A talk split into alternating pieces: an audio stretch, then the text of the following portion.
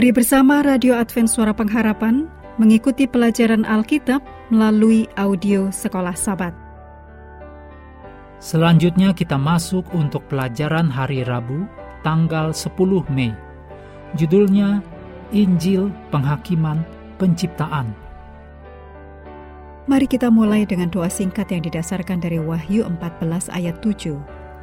Takutlah akan Allah dan muliakanlah dia, karena telah tiba saat penghakimannya, dan sembahlah dia yang telah menjadikan langit dan bumi, dan laut dan semua mata air. Amin.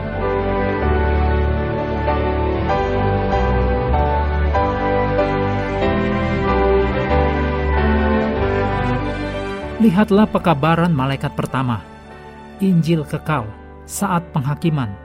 Sembahlah Sang Pencipta. Lihatlah betapa eratnya keterkaitan ide-ide ini. Ketika kita berdiri di hadapan Pencipta kita dalam penghakiman, hanya Injil yang memberi kita harapan sama sekali.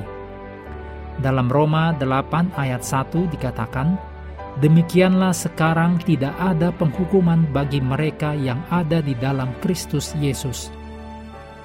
Tidak ada penghukuman sekarang, dan tentu saja tidak dalam penghakiman.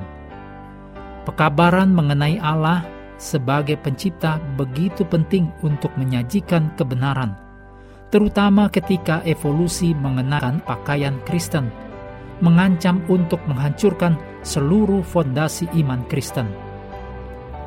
Namun, di tengah serangan pemikiran evolusioner, Tuhan telah membangkitkan sebuah gereja suatu umat yang namanya sendiri merupakan saksi menentang gagasan evolusi.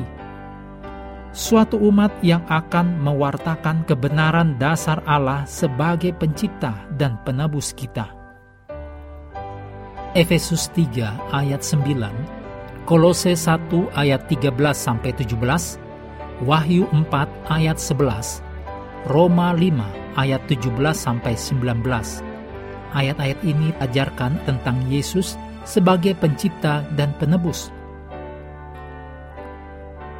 Lihatlah betapa eratnya ikatan Yesus sebagai pencipta dengan Yesus sebagai penebus.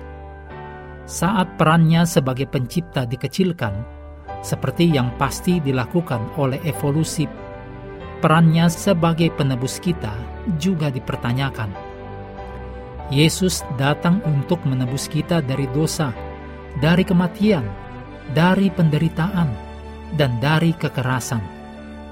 Apakah dosa, kematian, penderitaan, dan kekerasan seperti yang diajarkan evolusi adalah sarana penciptaan itu sendiri?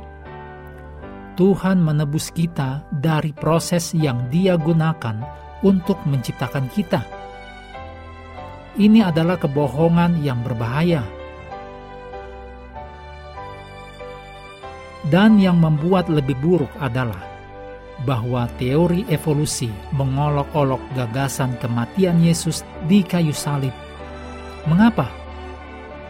Paulus, seperti yang ditulis dalam Roma 5 ayat 17 sampai 19, secara tak terpisahkan menghubungkan pengenalan dosa oleh Adam dengan kematian Yesus. Jadi, ada hubungan langsung antara Adam dan Yesus. Namun, dalam model evolusi mana pun, tidak ada Adam yang tidak berdosa yang dapat memperkenalkan kematian, karena kematian, jutaan tahun kematian, diduga adalah kekuatan dan kuasa yang diperlukan untuk menciptakan Adam sejak awal. Oleh karena itu, sejak awal teori evolusi menghancurkan fondasi salib yang alkitabiah. Sebaliknya, gereja Masehi Advent hari ketujuh dengan memanggil dunia untuk menyembah Sang Pencipta, berdiri sebagai saksi hidup melawan kesalahan ini. Mengakhiri pelajaran hari ini, mari kembali kepada ayat hafalan kita, Wahyu 4 ayat 11. Ya Tuhan dan Allah kami, Engkau layak menerima puji-pujian dan hormat dan kuasa, sebab Engkau telah menciptakan segala sesuatu, dan oleh karena kehendakmu semuanya itu ada dan diciptakan. kami terus mendorong Anda mengambil waktu bersekutu dengan Tuhan setiap hari bersama dengan seluruh anggota keluarga. Baik melalui renungan harian, pelajaran sekolah sahabat, juga bacaan Alkitab sedunia, percayalah kepada nabi-nabinya. Yang untuk hari ini melanjutkan dari Mazmur 4. Tuhan memberkati kita semua.